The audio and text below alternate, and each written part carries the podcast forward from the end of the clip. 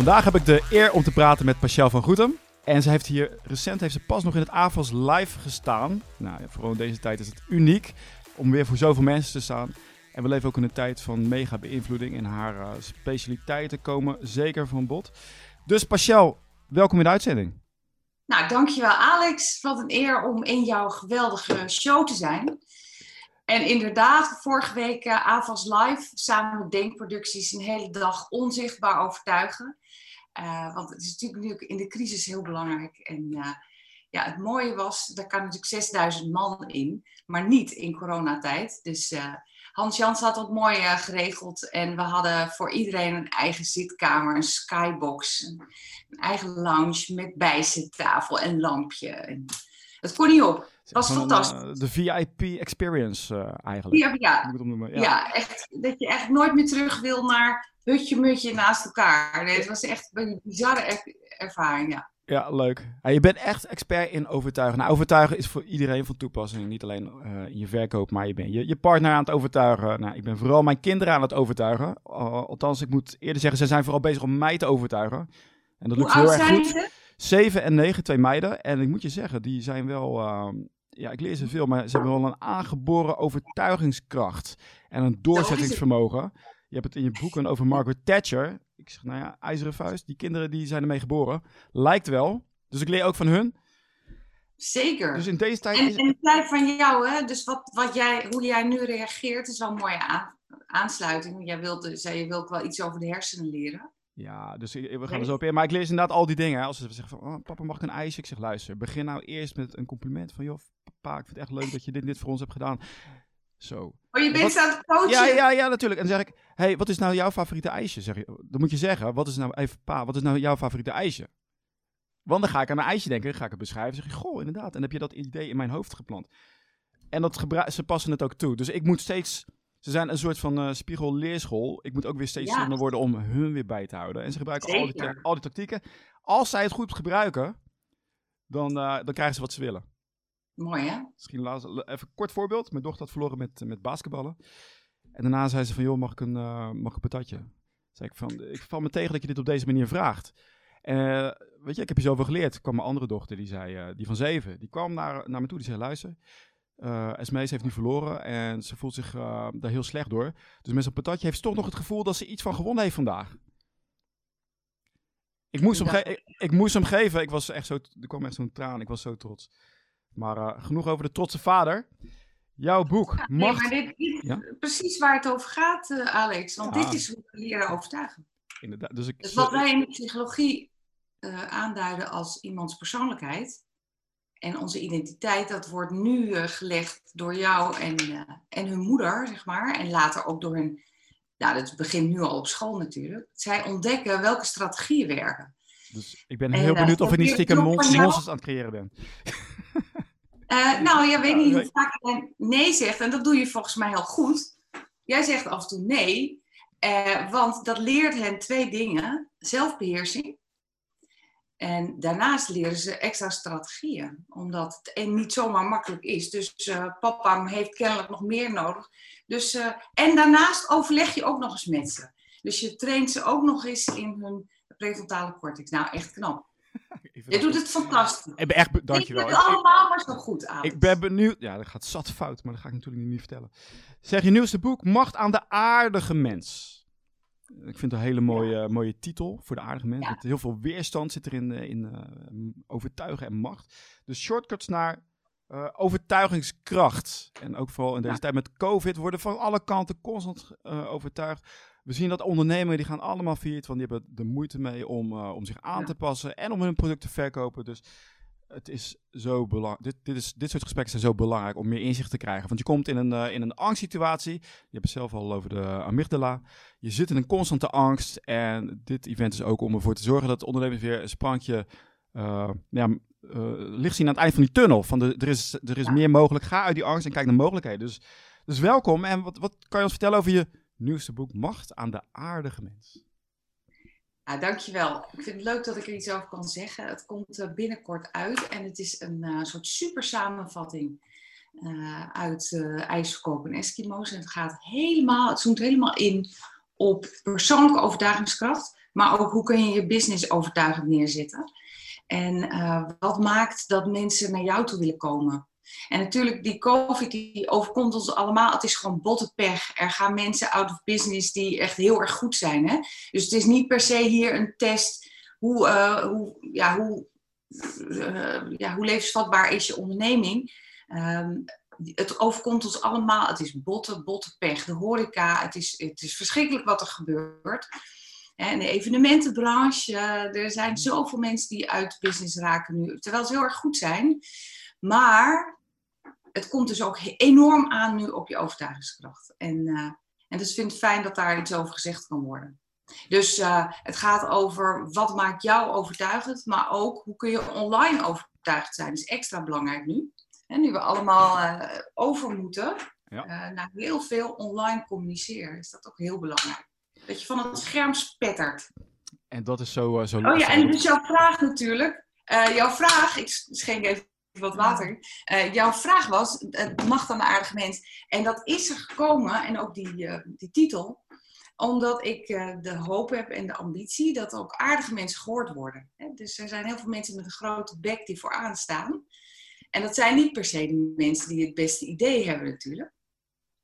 Dus er is bijvoorbeeld iemand die op 18 mei met heel veel macht gewoon doodleuk heeft verklaard. 18 mei waren al 100 mensen overleden aan uh, het gebruik van hydroxychloroquine, uh, coronapatiënten. Mm -hmm. En de president van de Verenigde Staten bestaat het gewoon op dat moment nog om te zeggen: Ik gebruik het, wat heb je te verliezen? En dat is echt heel gevaarlijk, want hij heeft natuurlijk een positie waar mensen naar opkijken en denken: Ja, maar als hij dat zegt. Er is een, een echtpaar overleden, of in ieder geval de man van het echtpaar is overleden, dat weet jij misschien. Uh, omdat zij gehoord hadden van, uh, van Donald Trump dat hydroxychloroquine uh, goed was om te gebruiken. En zij ontdekten dus al in het schoonmaakmiddel van hun kooikarpervijver, mm -hmm. ze op de box, hé, hey, daar zit het in. Dus die zijn over hun salades de hydroxychloroquine, of in ieder geval dat middel gaan, gaan strooien.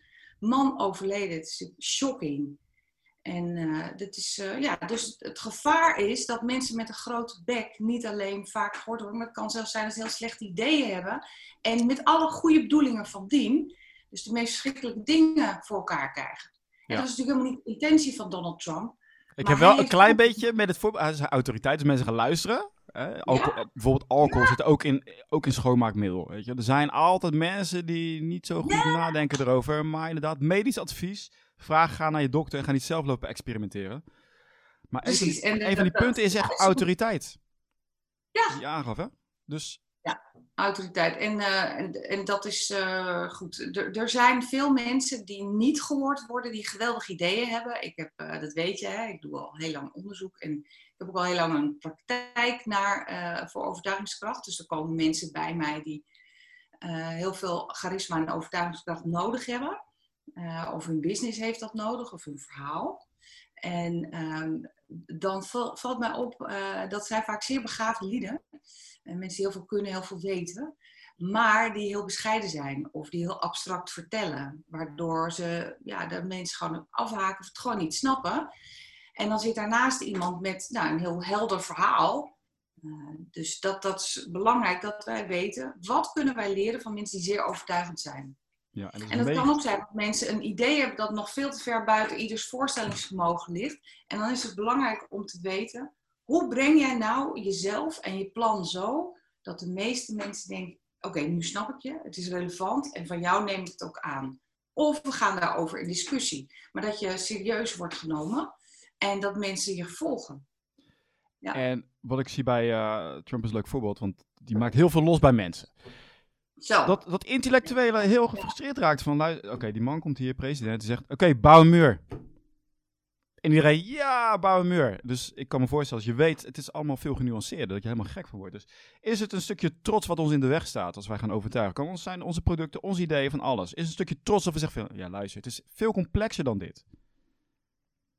Wat bedoel je met, is het onze trots? Dat je kan zeggen van, hey, mijn idee is zo genuanceerd, maar omdat ik het over moet brengen, moet ik het uh, op een ander? Moet ik het zo erg versimpelen dat het kan lijken alsof het een dom idee is? Althans, voor jezelf dan.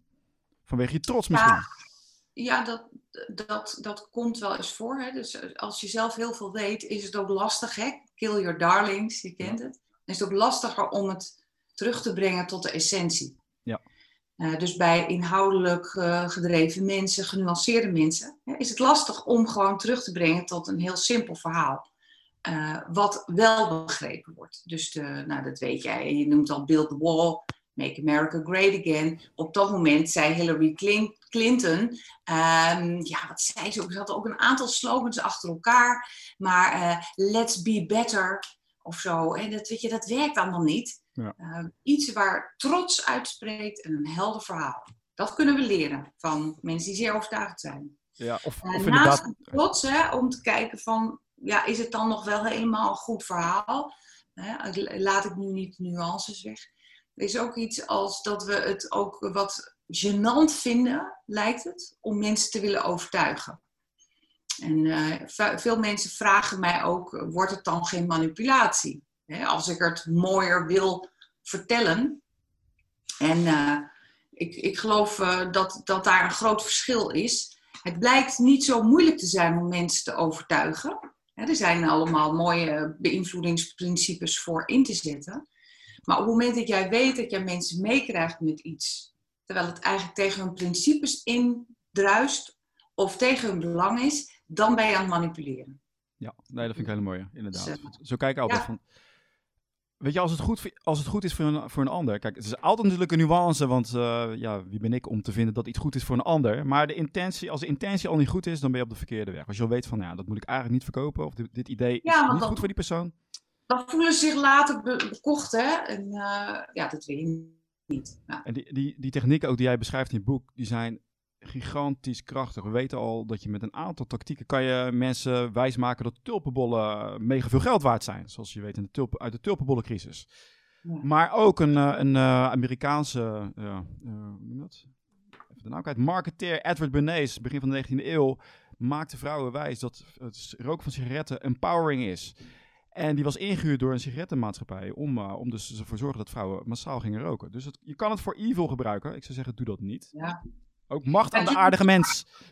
Interessant dat James Vickery, dat, die ken je vast die naam, die had ooit bedacht uh, het subliminaal uh, beïnvloeden. Waarvan hij zelf en nog heel veel mensen denken dat dat bestaat. Uh, ondertussen weten we natuurlijk dat het helemaal niet bestaat. Je hebt het gezien of je hebt het niet gezien. Het kan wel zijn dat je er niet bewust bij hebt stilgestaan. Maar Vickery heeft zelf gezegd dat het totale bullshit is. Um, maar het klonk heel goed en het was heel interessant. En uh, mensen hebben dan, uh, dat, dat weet jij, dat experiment met frisdrank laten zien voorafgaand aan een film. Even heel kort. Als we het niet waarnemen, nemen we het gewoon niet waar. Maar uh, het kan zijn dat je er onbewust, maar wel hebt waargenomen. En, eh, en dat het werkt, ja. Oké, okay, het is complete onzin. dus. Ja, dus het, dat, dat het, het subliminale aan. Hè? Dus je neemt het waar of je neemt het gewoon niet waar. Maar ja, wij nemen 2000 bits per seconde uh, aan informatie om ons heen überhaupt waar. Dat is gewoon te veel. Hè? Ja, ja, Dit is wat kwantumfysici denken. Uh, dat van wat wij überhaupt kunnen waarnemen, is 2000 bits per seconde. Maar ja, probeer 2000 bits per seconde te managen. Dat doe je niet. Dus we richten ons op iets dat, dat is de hypothese, hè, die staat in het boek, wat wij belangrijk vinden. Daar richten we ons op. En de rest, ja, denk ja, precies, je hebt nog veel meer andere bits om je druk over te maken. Ja, filter, ja. filter, filter. Hey, maar hoe word ik nou die, die overtuigende, charismatische persoon die ervoor kan zorgen dat al die mensen die uh, ervoor zorgen dat al die mensen dol op mij worden? En inderdaad, online, offline, hoe ga ik dat uitstralen? Wat is het geheim hiervan? Dat nou, weet jij. Ik, jij moet ons redden. Je laat het zien, Alex. Ja. Het allemaal. Nou, ik werk met drie stijlen van overtuigen. En hoe meer je hebt van die drie stijlen, hoe overtuigender je bent. En dit herkennen de meeste mensen wel. Um, we hebben heel veel mensen bestudeerd. Hè? Uh, dat heb ik studenten laten doen. Ik heb er zelf uh, heel veel mensen geobserveerd op film. En we hebben daaruit drie stijlen uh, samengevat. Dus dat zijn drie soorten mensen, stijlen, waarvan wij denken: oh, nou, als jij dat zegt, dan wil ik dat wel geloven.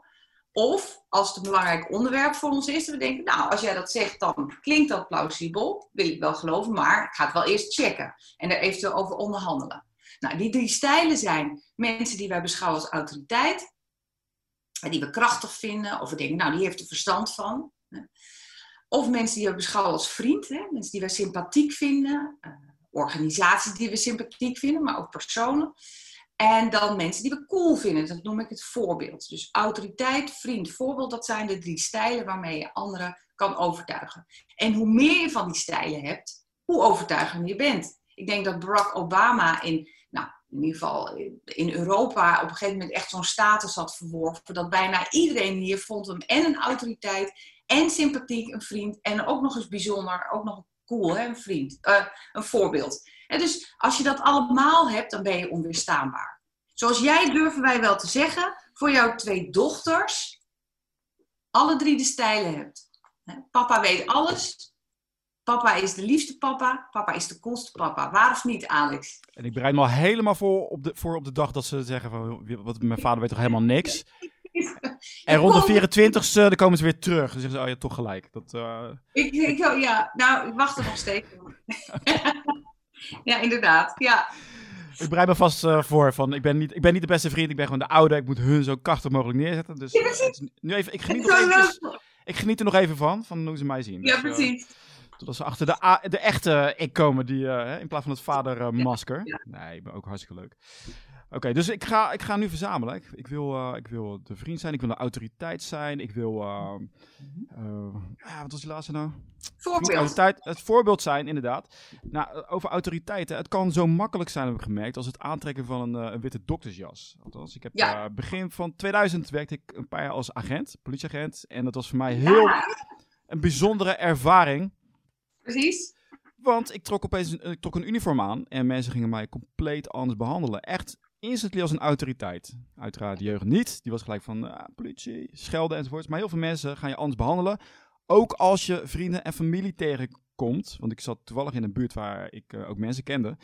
Die gingen mij opeens heel anders benaderen. En dat was een hele rare gewaarwording. Dus een wat uniform was, alleen wat was andere, Alex? Uh, veel schuchterder, veel, veel meer teruggetrokken. Oh, ja. Zo een beetje meer, als je kijkt, ik, kijk, ik zie veel in, in, in status, hè, van uh, uh, als een klein kind naar je toe komt en zegt, hey, zet je auto ergens anders, dan zeg je, ja, ga weg. Maar als een agent naar je toe komt en zegt, zet je auto ergens anders, oké, oké, ik luister meteen. Dus ik merkte dat mensen zich veel meer op een, een teruggetrokkene manier gingen ja. verhouden naar mij. Speciaal dat... voor jou nu ook het jasje aangedaan, hè? Ja, ik zag het. ja, staat, staat je heel goed, dat is gelijk een mooie, mooie priming ervoor. Het was het uniform, maar ook de stem. En daar ben je ook een, uh, een expert in, in hoe je je stem gebruikt. Want ik kon ook, de, er waren ook agenten die hadden een uniform aan, maar hun uitstraling hoorde er, paste er niet bij. En ook het stemgeluid paste er niet bij. Dus dat zegt al heel veel, uh, als we het hebben over die autoriteit. Dat, dat stemgebruik was zo belangrijk. Hoe kunnen wij, ja, hoe kunnen wij, hoe kunnen wij dit leren? Je ja. niet zegt, hè, uh, blijkt dat kleding enorm veel invloed heeft. Ja, dus zolang je niks zegt, dan is kleding uh, onderscheidend. Het valt op. Uh, jouw ervaring uh, deel ik met een cliënt die ik ooit in begeleiding had. En dit mag ik van hem vertellen, natuurlijk zonder naam en toenaam. En hij is militair. En hij vertelde over de periode dat militairen gewoon in het wild nog in uniform waren. Dus uh, gewoon in het sociale leven. Dat doen we nu al sinds jaar en dag niet meer. Hè. Het wordt afgeraden. En hij zei, het is idioot als ik dit pak aan heb, hè, mijn uniform. En dan loop ik door de gamma en dan vragen mensen aan mij waar de boormachines liggen. Zo heftig. Hè? Hij heeft natuurlijk geen idee, maar dat maakt wel indruk. En waarom ben je gestopt eigenlijk, Alex? Oh, groot verhaal. Ik merkte dat uh, de, bij de politie dat ze ergens terug niet bezig waren met het opsporen van criminelen. Dus weer een, uh, veel meer uh, dat er bijvoorbeeld inbraken waren, werd weinig aan gedaan. Heel veel ook verkrachtingen, plankzaken die er lagen. Want er werd aandacht besteed aan ja, tickets, roodlichtcontroles, dat is het onzin. En ik merkte ook dat het OM veel te weinig zaken door liet gaan. Hè? Want dat moest ik een, een casus maken, dat kon van alles zijn. ging naar het OM en die heeft ook um, cijfers. Hè, die moeten ook uh, hun targets halen. En als ze vonden, oh, dat kunnen wij niet winnen, dan werd het zomaar afgeslagen. Gevangenissen waren leeg. Kortom, heel mijn Miami Vice droom viel in duigen. Ja, je dacht, ik, we gaan nu echt iets Ik dacht, doen. ik ga echt boeven vangen. Ja, en als ik nu naar buiten kijk, ben ik blij dat ik niet bij de politie zit. Want ik had sowieso geen zin om al die gekke opdrachten uit te voeren. Want zo eentje was ik wel. Was in die tijd ook met eh, 9-11, was rond die tijd. Ja. St- Stuitte me ook wel tegen de borst. En ik heb toen veel gezien wat er achter de schermen zich afspeelde. Maar we gaan helemaal weer way off topic. Nee, nee, dit is Zijn we precies niet het topic? Oké. Nee, dit is helemaal topic. Want dit is in Nederland is eh, autoriteit gewoon echt een ding. Ja, dat vinden wij helemaal niet prettig in Nederland. Dus daar moet je echt iets mee. Maar goed, je wilt nu voor het MKB. Nou, En- ik, wil- ik wil nog even kort over het autoriteit. Hè. Dat vind ik wel interessant Ja. wat je nu zegt. Van we houden er niet- er niet van. Ik zie mensen compleet wel gaan naar autoriteit. Dus er is een deel inderdaad wat, wat, wat zich er tegenkeert. Maar een ander deel, maakt niet uit wat de RIVM zegt, wat Rutte zegt. Die geloven dat en die stellen er geen vraagtekens bij. Ik heb persoonlijk geen probleem met autoriteit. Uh, maar ik, wil, ik ben wel altijd kritisch. Dus ik, ik ben altijd met het autoriteitsgedeelte van let gewoon op. Want ik weet hoe, hoe je dat kan misbruiken. En dat is waar ik me voor wel voor, eh, voor waarschuw ook eh, met dit, eh, met dit, in deze tijden van let op. En dat leer ik mijn kinderen ook. Van let op wie wat zegt, waarom we dat zeggen. Ja, dat, is- en dat is inderdaad iets wat in Nederland veel sterker is dan andere culturen. Dat wij veel autoriteitskritischer zijn. Ja. Ja, En dat gaf je Dat aan, weet- hè? Dat, als we in Nederland... Nederland is een testing ground voor producten. Als je het in Nederland kan verkopen, kan je het overal verkopen. ja, Dat ja. gaf je aan, toch? Ja. Ja, zeker. Ehm, eh, je- nou, dus wat betreft kleding, ja, jasje. Maar uiteindelijk is dat niet waar je de wedstrijd mee wint. Nee. Er zijn natuurlijk mensen die keurig gekleed gaan, jasje, dasje, alles. Hè, of, of keurig. eh, eh, en, en je ziet nu, ik heb het jasje aangedaan, dat, dat blijkt. Hè, we, daar wordt onderzoek naar gedaan. Ik doe zelf geen onderzoek naar kleding, maar we weten. En dan laten we acteurs, ze, hè, dus mensen in het onderzoek, laten dan mensen zien in verschillende uitdossingen. En dan blijkt, eh, dat is interessant, het jasje, eh, uniform op één hè, voor autoriteit en daarna meteen het jasje. En eh, zoals in de Belgen zeggen, het vestje. Mocht je ook Belgische luisteraars en kijkers hebben, het vestje. Want, en dat vind ik zo interessant, dan gaat het niet om of het een heel mooi jasje is of dat het ges- gestreken, weet ik wat. Het mooiste vest, duurste jurk, eh, truitje, legt het af tegen een ranzig spijkerjek met vlekken en gaten. Dus het zit in het jasje. Ja. Dat, dat je kennelijk iets met schouders, dat geeft meer autoriteit dan de mooiste alpaca sweater. Ongelooflijk. Het is mooi nieuws, dus ik hoef helemaal niet meer eh, naar de stomerij eigenlijk. Dit scheelt mij echt kapitalen, gaan me dit schelen. Ja, nee, ik zeg tegen mensen die, eh, die een punt willen maken in een vergadering, weet je wel. En in, in, in Nederland, uiteindelijk, we gaan daar zo over spreken. Daar ben je de wedstrijd uiteindelijk niet mee. Maar Ja. er zijn wel eens mensen die denken, nou, die komen heel sympathiek over. Eh, en eh, dan wordt er gewoon niet eens genotuleerd terwijl ze wat zeggen. Hè, dat heeft gewoon nadelen. Autoriteit hebben heeft ook nadelen. Dat heb je, hebben we net besproken. Hè. Er roept heel veel sceptisch op. En, en kritisch eh, blikken. Eh, niet van iedereen, maar dat is waar je eerst doorheen moet. Eh, het, het, een nadeel van sympathiek gevonden worden is dat je niet serieus wordt genomen. En dan kan het wel eens helpen. Denk je, ja, kan je praten als brugman. Je kunt ook gewoon een jasje meenemen en dan trek je even het jasje aan terwijl je je punt maakt. Je hoeft, niet, je hoeft niet, eens, niet gestreken te zijn. Karna, dit is echt briljant. Dit, eh, deze ga ik onthouden. Hoe kom ik... Hoe, hoe, hoe, dat, dat, dat, weet je, sommige mensen hebben dat, dat over, die overtuigingskracht, dat interne. Zo van, je, ze komen binnen en je voelt het al gelijk. Van wow, wie is dit? Ja. Je gaf al die drie punten, maar het is nog een beetje... Kan je het wat grijpbaarder maken voor mij? Ja, tuurlijk. Nou ja, wat, wat blijkt is dus uiteindelijk zit het niet in, in het jasje. Of eh, eh, gaat het om hoe je het doet. En voor autoriteit is dat, dat zijn mensen die geen twijfel hebben. Die zich ontspannen gedragen. Geen twijfel. Het is nou één keer zo dat. En jij kan het voorspellen. Ik weet niet of jij wel eens tennis kijkt. Hè? Maar je, je, je ziet Nee. Djokovic opkomen of Piet Sampras. En je hebt het gevoel, hij gaat winnen of niet. En eh, dat, dat zie je bij sporters. Je ziet het ook in debatten. Degene die zich gedraagt alsof alles erbij hoort. Er is geen twijfel, het is ontspannen. Dat zijn de mensen die van nature dus dat hebben soms Of ze hebben het geleerd bij mij. Uh, maar dat is, uh, dat is een heel belangrijke sleutel. En dat komt dan omdat als ik uh, in een situatie ben en ik zie iemand die zo zeker en die, die gewoon zonder twijfel, dan ga ik denk ik onbewust denken van, er moet een reden zijn waarom deze persoon zo zeker is van zichzelf. Ik kan het wel weten, ja. We hebben uh, bij Onzichtbaar Overtuigen, ik, ik kan het nu wel verklappen, want uh, na 18 keer hebben we besloten om een ander seminar te gaan doen. Is dit, um, hebben we een verborgen camera-experiment gedaan, jarenlang waarin men, oh. mensen vroegen om hun mobiele telefoon in te leveren voor het evenement. En dat is natuurlijk een volstrekt absurde vraag. En het werd ook steeds absurder dat we tegen elkaar zeiden: ja, dit gaan we nu dit jaar niet meer kunnen krijgen, dat mensen hun telefoon inleveren.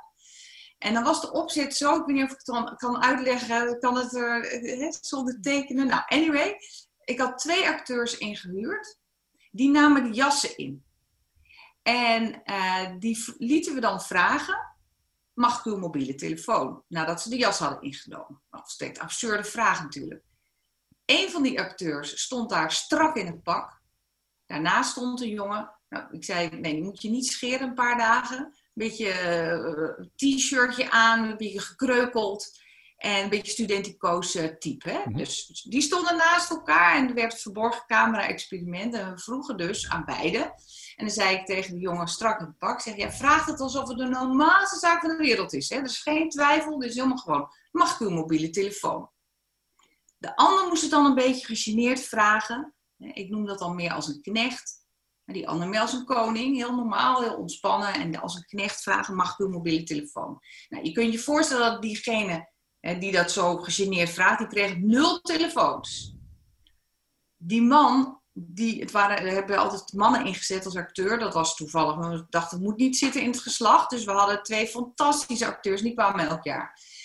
Die man in het pak die het vroeg, de normale zaak van de wereld, die kreeg gewoon meer dan 70% van alle telefoons. Nou, als we dat een tijdje hadden gedaan, dan kwam de werkelijke test. Dan moest de jongen in een t-shirt ineens doen alsof het een normale zaak van de wereld is. En de man strak in het pak moest het wat gegeneerd gaan vragen. En toen kwam de werkelijke proof of the pudding. Die jongen die strak in het pak en gegeneerd vroeg, die kreeg bijna geen telefoons meer. Af en toe nog wel eens één. En die jongen in het t-shirtje haalde 60 tot 70 procent. En dat heeft bij ons geleid tot uh, de conclusie. Het zit dus niet in de kleding. er zijn mensen die perfect gekleed gaan. Maar als die gegeneerd gaan staan doen, een beetje hun best gaan staan doen, verliezen ze de wedstrijd. Dus mijn snelste ticket is ook wat ik mensen in Den Haag leer. Of mensen die moeten leren goed debatteren. Of uh, ja, mensen die vanwege hun functie heel veel overtuigingskracht nodig hebben. Uh, en dat hebben we nu allemaal in deze coronatijd. Dan is de snelste ticket observeer jezelf als je ontspannen bent. En dat is degene die je gaat imiteren op het moment dat je gestrest bent. En als je denkt, ik wil wel eens ergens binnenkomen op een feestje, dat je denkt, ah, iedereen kijkt naar mij. Dan kom je binnen alsof het jouw ruimte is. Ja, alsof, uh, alsof er geen twijfel is. En uh, ja, dat... Nou, dit is zeker, ik heb het ook als agent ervaren, want je moest dan ook uh, in, ja. burger, dus undercover, hetzelfde verhaal. Hè? Dus als, als je dan ingezet moet worden, moest je ook hè, met je stem moest je voordoen als agent. Ja. Dus dat, dat is zeker zo. En ook even terugbrugje naar de kinderen. Dit, want ouders moeten dit herkennen als zij uh, zeker over willen komen. Hoe vaak gebeurt het niet dat er iets ergs gebeurt en je doet wel ontspannen naar de kinderen? Van nee, nee, komt goed, hoort erbij. Terwijl je zelf denkt van, oh jee, dit gaat mis. Ja. Weet je wel, dat als, als, uh, als ze zijn gevallen oh, of iets, en je denkt, wow, ja. weet je wel, dus dat gevoel, dat is ja. eigenlijk hetzelfde. Ja, vind ik fijn dat je dat zegt, want mensen vragen wel eens, ja, maar als je nou gestrest bent, hoe doe je dat dan? Nou, je moet jezelf gewoon aanzetten je moet je aanzetten zoals je ook bij je kinderen doet. Dat vind ik heel mooi. Want je weet inderdaad, als jij naar je kinderen gaat paniek, gaat, paniek lopen zijn, dan raak je helemaal, ah, dat, dat wil je niet hebben. Terwijl je zelf wel van binnen paniekerig bent. Dus, mijn vader, bless him, dit, dit is waarom jij natuurlijk, hè, dit is waarom we alles leren van onze ouders in eerste instantie. Hè? Onze identiteit, persoonlijkheid zit gewoon, hè, wij leren strategieën omdat ze werken op onze ouders. Maar wij zien ook van onze ouders hoe zij het doen. En mijn vader, bless him, uh, die lieverd die had hoogtevrees. Er is geen enkele reden om niet op een keukentrapje te durven staan. Maar omdat ik hem zag panieken, die, die lieverd, Verder heb ik heel veel ook geweldige dingen van hem geleerd. Maar dit heb ik ook van hem Inmiddels uh, durf ik op een trapje hoor. Zo, uh, ik heb het wat overwonnen. Maar... Hij leerde jou dat je ook. Hij leerde jou dat, dat, iedereen kwetsbaarheden heeft. Anders was hij te perfect. Snap je? Dat is dus, wel heel mooi. Ja, ja. Dus, uh, zo, zo, moet je dat zien. Nee, uh, oh ja, nog een ander leuk voorbeeld. Ja, je, dit, dit zie je dus overal. Hè? Dus uh, zo'n Obama of The, The Rock. The Rock. Rock. Die komt super charismatisch over met zijn glimlach. En helemaal, volgens mij de hoogst betaalde acteur nu. Ik zag een interview van hem van Seriously? jaren geleden. Seriously, hij is de best betaalde acteur op dit moment. Voor mij was het nu wel, maar misschien heeft het te maken dat hij zoveel films uh, speelt. Maar inderdaad. Nou ja, maar toch. Miljoenen, ja, is, uh, hij is doorgebroken. Ja, wow. Zat hij in een interview en ging zijn vraag stellen. Hij zei, ja, ja, inderdaad. Super onzeker. Ik dacht, nou, als The Rock dit dus niet natural heeft, dan moet iedereen het kunnen leren. Dus wat ja, zijn, kijk, wat... Het gaat er ook niet om dat, dat we de hele tijd autoriteit doen. Want er zit een nadeel aan autoriteit, dat zei je al. Hè? Mensen worden schuchter, oh, je creëert afstand. En een ander nadeel is ook dat, dat je inwisselbaar wordt. Hè? Voor jou een andere politieagent, voor jou een andere politicus, voor jou een andere expert. Um, dus het helpt, het, het zit ook nadelen aan. Nou, en om dat te overwinnen is het ook goed dat je wat openheid laat zien. Dus The Rock wordt nu wel een rijkere persoonlijkheid, daar word je sympathieker van. Dat hij niet altijd toch? En, uh, en voorbeeld is ook fijn om toe te voegen. Dat je kleur bekent. Dat je niet altijd maar gewoon aardig bent of krachtig. Maar dat je ook gewoon iets buiten de box kunt. En dat je, dat je iets eigens laat zien. Nou, wat jij zegt, hij doet inderdaad al die drie dingen, doet hij.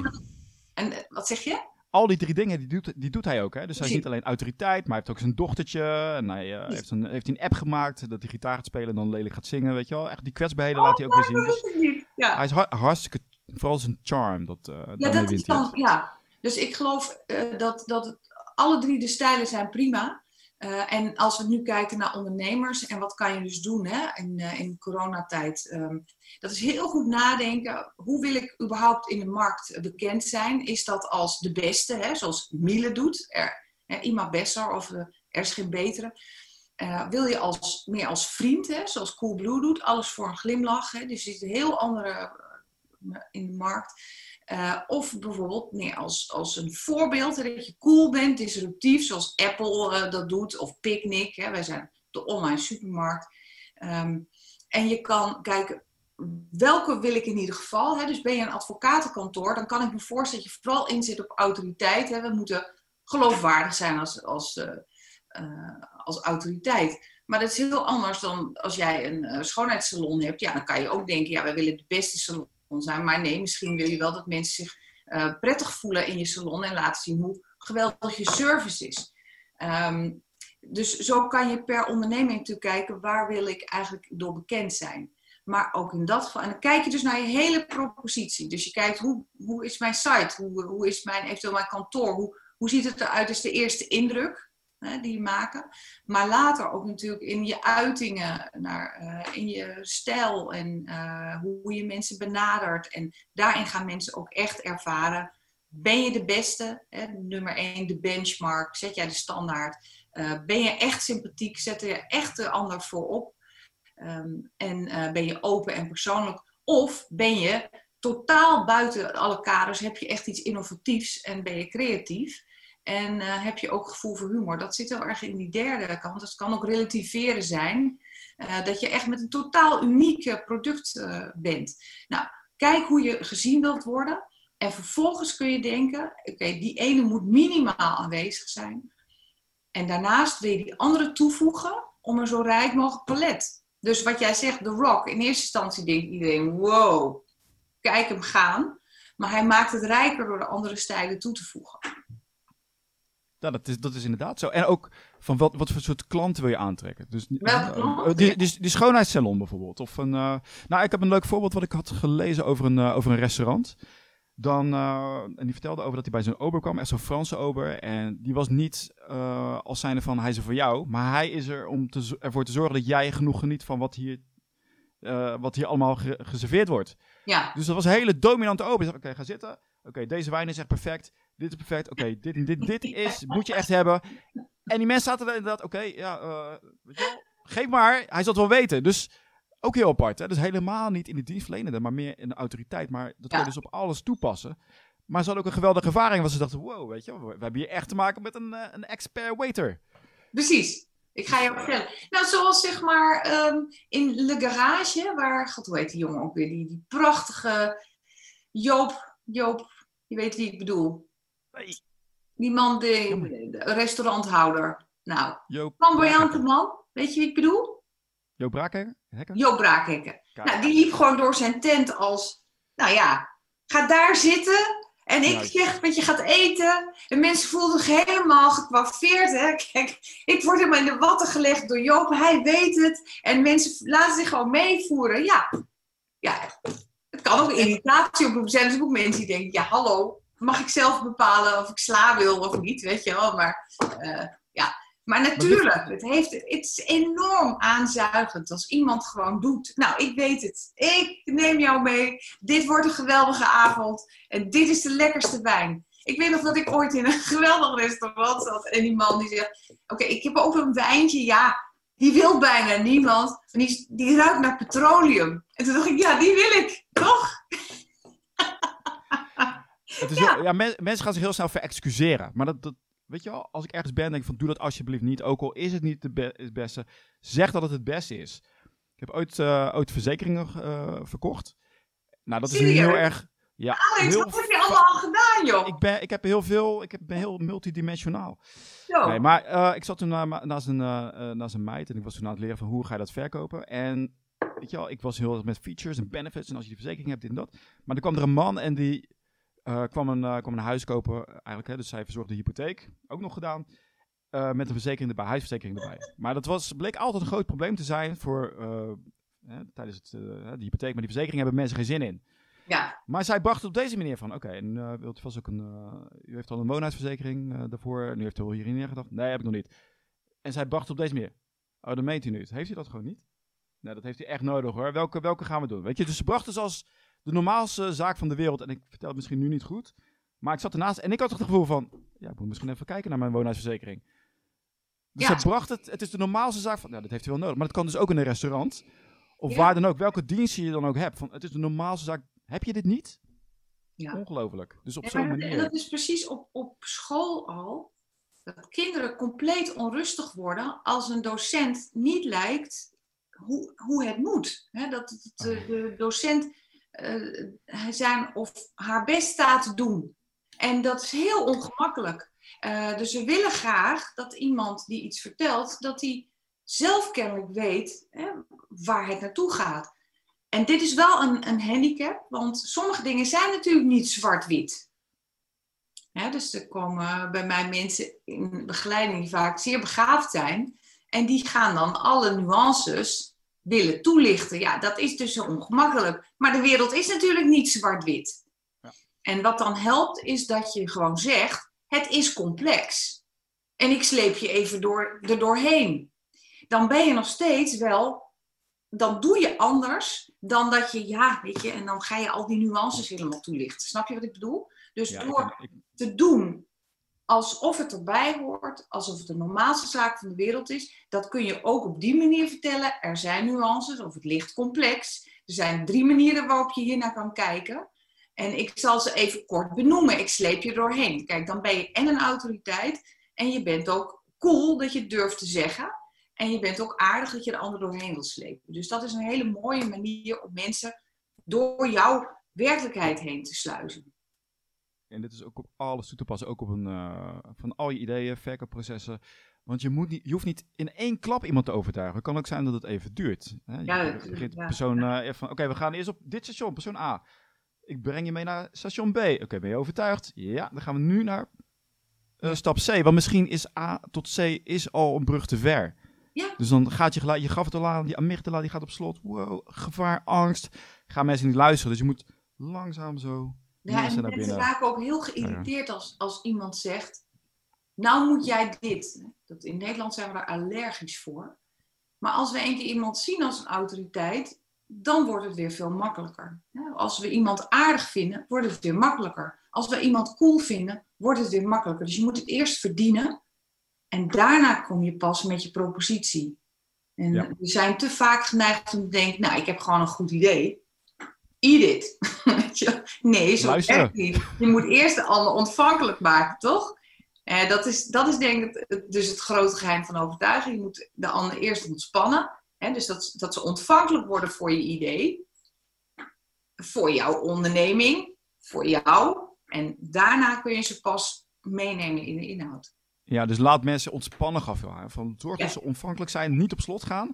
Een van die dingen was al dat jij zelf ontspannen bent en zekerheid uitstraalt. Dat helpt, ja. Dat helpt inderdaad. Uh, even klein, dat is dan mijn nerdy toevoeging, uh, Alex. Je hoeft niet ontspannen te zijn om ontspannen over te komen. Uh, precies wat jij zei net richting je dochters, hè, of als ouder.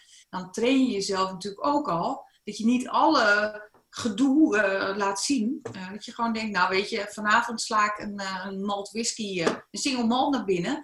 Maar wat ik laat zien hier is, ik ben er nu helemaal voor de ander. Ja. Kleine tip, wij hebben vaak het idee dat mensen alles zien bij ons wat wij denken intern. Maar dat is dus absoluut niet zo. Er zijn ook allemaal onderzoeken naar gedaan. Mensen zijn alleen maar met zichzelf bezig. Die letten helemaal niet op jou. Dus maak je geen zorgen. Geen zorgen. Je zit over hun eigen relaties na te denken. Over kinderen en over werk, weet ik veel ja, wat. Ja, tuurlijk. tuurlijk. Wees die, die, die, die rots in de branding voor mensen. Zo zie ik het altijd. Van wees die zekerheid. We, we, zijn op weg, we zijn op weg om mensen binnen te halen hè, nu. We zijn uh, ontspannen, uiterlijk ontspannen. We gaan nu een stapje dichterbij. Van hoe ga ik mensen nog meer in mijn wereld krijgen? Ja. Wat, heb jij, uh, wat is daarop uw antwoord? Oh, dat is een vraag. Overtuiging, ja, dat, is, uh, dat was mijn niet goed geplaatste vraag. Nou, ja, ik, ik, ben, ik snap je vraag niet. Dus mensen de stap... wereld in krijgen, wat bedoel je dan? Kom, hoe kom ik mensen in mijn wereld binnen? Dus ik wil ze ontvankelijk, hè, zorgen dat ze alvast openstaan. Ja. Dus ik ga ze langzaam naar binnen krijgen. Dus ik ben al uh, ontspannen buiten. Ik heb die zekerheid al. Zijn er stappen, is er een stappenplan of iets wat ik kan volgen om te zorgen dat mensen steeds meer ge, ja, intrigued raken door mij? En ik, van, ik wil meer weten van deze jongen. Aha, ja. Nou, het, het allerbelangrijkste is natuurlijk dat jouw focus niet gaat over jezelf, maar over de ander. En dat zal iedereen die succesvol zijn overtuigen, elke politicus, maar ook iemand die in sales werkt of en, maar überhaupt, wanneer gaan wij met iemand in zee? Dat is op het moment dat we denken, ja, die ander die snapt het, maar die heeft ook het beste met mij voor. En die heeft oog voor wat vernieuwd is. Dus dat is de derde stijl. Maar de, de crux is natuurlijk, wil je het van, van die ander aannemen? En dat is niet omdat de ander zegt, nou, uh, ik ben uh, degene die heel veel geld geeft aan goede doelen. Die vinden we niet aardig. We vinden degene aardig die vraagt, wat kan ik voor je doen? En, uh, en daar, uh, dus de interesse, uh, daar, daar zit natuurlijk het allergrootste hefboom. Oprechte interesse. Ja. En niet het trucje, hoe gaat het met je? Maar echt, joh, hoe gaat het met je? Ja, dit heb ik van Matthijs van Nieuwkerk geleerd. Ik heb de enorme eer gehad om Matthijs ooit te mogen interviewen. en hij gaf mij ik, ik wilde meer weten over hoe hij dingen aanpakt. Maar wat hij toen zei, ik vroeg hem wat, wat maakt een interviewer goed? En toen zei hij, en dit vind ik zo'n fantastische tip. Hij zei, de goede interviewer herken je aan de vervolgvraag. En dit is één op één toepasbaar voor overtuigen. Uh, de vervolgvraag is, stel ik vraag aan jou Alex, goh, waar, waar, ben je nog op vakantie gegaan uh, dit jaar? Ja, ik was naar Italië, zeg, stel. Ah, god, nou, dat je het hebt aangedurfd. Nou, wij zijn dus blablabla. Nou, dat, is, dat werkt natuurlijk niet. En de vervolgvraag is natuurlijk oh ja, vertel, hoe was dat? En weet je, nou ja, dat, en dus anders klinkt het als een syllabus. Weet je, ik heb ooit iemand in begeleiding gehad, Alex, je gelooft het niet. En die man had enorm power, een enorme positie. En ja, hij zei: Ja, nee, overtuigen lukt meestal wel. Uh, echt enorm erudite uh, autoriteiten. Hij zei, ja, ik, hij zegt, ik wil mensen dichterbij krijgen. dus hij had echt last van de nadelen van zijn voordeel, zou ik maar zeggen. Hij zegt, ik wil mensen dichterbij en ik moet ze ook enthousiasmeren. Uh, want dat is ook zoiets, hè? Mensen die heel veel autoriteit hebben, dat roept afstand op, zeiden maar het is nog iets anders. Mensen worden ook een beetje lui van. Want ze denken, nou, hij of zij regelt het wel. Hè? Dus wij kunnen rustig slapen. Nou, hij zegt, dus ik wil ze activeren en ik wil ze juist dichterbij en meer informatie, bla bla bla. Nou, alles hè. Ik zeg, nou, ik noem zijn naam natuurlijk niet, maar ik zeg, nou, interesse. Ja, ja, ja, ja, zei hij. Interesse, hoe doe je dat? zei ik, jij mag dus nooit meer één vraag stellen. Hè, want ik zeg, nee, dan wordt het de syllabus. En ze zeggen van, ja, ik moet nu een vraag stellen, want het zei Pachel, dat moet. Weet je, nee, waar ben je geïnteresseerd in? En anders vraag het maar niet. Hè, dus, dit is ook zo leuk. Ja, of, Ja, ik had, inderdaad, jij hebt levensverzekeringen verkocht, Alex. Ik had ook ooit een jongen eh, die, die jaren geleden in de training. En die zei, ja, ik verkocht levensverzekeringen. En ik zat op een gegeven moment bij een man aan een enorme desk. En eh had al maggedijen hangen. En hij zei, ik hoorde mijzelf zeggen, goh, u jaagt. Hij zei, ik werd, er ik werd helemaal misselijk van. Dus ehm, hij zei, ik, ik wilde dat niet meer. Dus ik, ik, nou, toen hebben we het over gehad. Stel vragen naar iets dat je wil weten. En niet, oh ja, nou wordt het, nou wordt het, een, wordt het syllabus. Nou, dit, dit wordt door heel veel mensen onderschat. En dat weet ik, want ik zie het ook bijna nergens gebeuren. Die oprechte interesse. Zorg ervoor dat het niet jouw beurt is. Dat je niet een vraag stelt en dan denkt van oké, hierna mag ik weer. Mensen doen het niet. Het is meer, oké, ik ga wachten op mijn beurt om te praten. Bijvoorbeeld die vakantie. Oh, waar ben je geweest? Italië leuk? Wauw, ik ben ook in Italië geweest. Maar het is niet alleen de woorden. De woorden zijn een, is maar een klein onderdeel. Het gaat om die, inderdaad, die charme. Laat oprecht ook met je energie zien dat je oprecht geïnteresseerd bent in iemand. Dus inderdaad, wow, Italië, vertel. Wat was, wat was leuks wat je daar hebt gezien? Dus help mensen ook als zij geen antwoord kunnen krijgen. Bijvoorbeeld, oh, wat heb je allemaal gedaan? Eh, bijvoorbeeld, iemand voelt zich al bezwaard. Die denkt van, nou, die persoon wil het vast niet echt weten. Maar inderdaad, hey, wat is nou het mooiste? Wat is nou een goede tip voor jou? Ja, dat vind Van ik jou, ook heel dat soort belangrijk. Dat het meer funnelen, hè? dus dat je het ook niet heel groot maakt. God, wat is nou jouw allergrootste droom in de wereld? Ja. Ik mensen denken, hè, wat, ho, ho, ho, ik sta hier in de Albert Heijn, weet je, moet, wat, hè? Maar ik zeg van, wat, eh, of eh, wat ga je vanavond eten, is makkelijker te beantwoorden. Hè? Of wat is het leukste dat je gezien hebt op vakantie, kan het best groot zijn. Maar eh, gewoon met wie was je? Of weet je, het, gewoon hou het ook eh, kleiner, even klein beginnen. Eh, sterker nog, dan kom je veel vaker tot, tot grote. Die moet niet, maak het niet te groot. Het is net met complimenten, hè? Dus wat zie jij er geweldig uit? En dan ben je oh, klappen helemaal dicht. Je zegt van, goh, wat een leuke shirt. Is makkelijker. Hè? Dus, klein beginnen. Ja, en dan ook heel, eh, niet, niet wachten op een reactie ook. Hè? Van, zo, je hebt, echt een, eh, je hebt echt een leuk jasje aan en dan gewoon weer verder gaan. En dan pla plant je zo'n za- zaadje van, oh, goh, inderdaad. Weet je, en dan ga je de hele dag, eh zit je zo van, ja, dat jasje. Ja. In plaats van, zo, je hebt echt een leuk jasje. Dat jij dan weer moet zeggen van, oh, dankjewel. Weet je, dan is het weer alsof, kijk eens, ik heb jou een compliment gegeven. Dat is ook weer bezwaar. Ja, ja, ja, ja. Weet je, dat zijn allemaal die kleine zaadjes die je kan planten. Gewoon, en dan weer moving on. Precies, ook niet, ja. Het niet zo ik- zwaar. Ik denk dat alles dus wel begint, Alex, bij of je het ook echt meent. Weet je? En dat als je eh, ook complimenten, dat weten van eh, eh, Roos Vonk, hè, de hoogleraar sociale psychologie. Zij doet fantastisch onderzoek. En zij doet onder andere onderzoeken naar complimenten geven. En zij zegt dus dat ze hebben aangetoond dat alle complimenten werken. Dus ook als mensen denken, nou, is dit nou wel dus dat mensen geneigd zijn. De meeste mannen schijnen alle complimenten te geloven, eh, als we Roos eh, onderzoek mogen geloven. Eh, en, eh, maar ook als we twijfelen, dan nog werken complimenten. Alleen denk je, ja, dus dan zou dus de tip kunnen zijn: geef complimenten in de wilde weg. En ik zou denken, nou, als je zelf ongemakkelijk voelt erbij, doe het niet. Geef complimenten over dingen die je echt vindt. Wel is het zo dat je niet moet vergeten, hè, om ze, om, je moet het ook niet nalaten om te zeggen. Soms komen we ook niet op het idee, omdat je denkt, ja, het is een beetje gek, ik ben wel een Nederlander, hallo. En soms is het een kwestie van oefenen. Dus ik voel me ongemakkelijk omdat ik het niet gewend ben om te doen. Dus dat zit er ook vaak in. Van eh, doe het. En, Ja. kijk, en kijk naar de reacties die je gaat krijgen. En misschien denk je aan het begin zelfs, dus een onzekerheid van jezelf. Ja. Ja. dan geef ik een compliment, maar wat kan hun nou schelen wat ik vind? En later merk je hoe mensen reageren. En dat gaat je weer helpen om eh, te denken, hey, ik vind het hartstikke leuk om complimenten uit te delen. En dan, dan ga je vanzelf zoeken ook naar complimenten. In plaats van alleen maar naar dingen die niet goed zijn, ga je ook zoeken naar dingen die leuk zijn. Wat ook weer goed Ja. is voor jezelf. Nou, er is een krankzinnige techniek, eh, die heb ik eh, geleerd van Anwar Sadat. Ik ben mij gaan verdiepen in de figuur Anwar Sadat. En daar verwijs ik heel graag naar het boek. Dat mocht van jou, een cliffhanger. De Sadat-techniek is onwaarschijnlijk krachtig. Eh, en die heeft iets met complimenten te maken, wel op een heel bijzondere manier.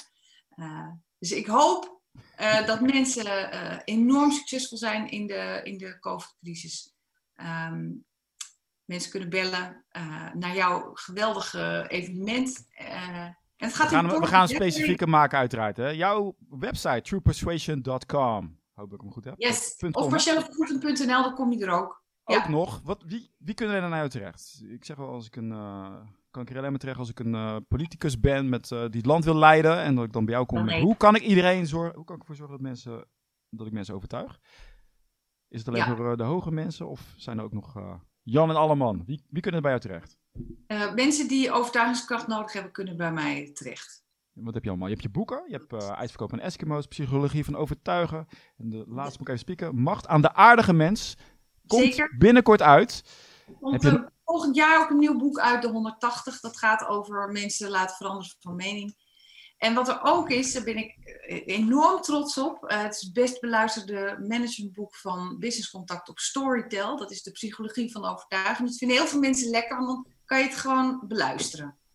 En er komt ook een hele editie, audio-editie van uh, uh, en Eskimo's, het hele boek. Maar de samenvatting gewoon in je auto, op je oren, als podcast, is, uh, is beschikbaar. Ja. Je staat binnenkort ook weer bij Denkproducties op de bühne met uh, Short van Houten, Gialdini.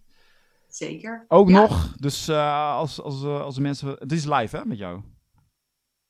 Mensen kunnen dat gewoon langskomen. Zeker, ja, ja, ja. ja, ja. ja dus als, je, als jullie willen genieten in persoon is het ook allemaal mogelijk. Ik zal uh, overal links bij zetten.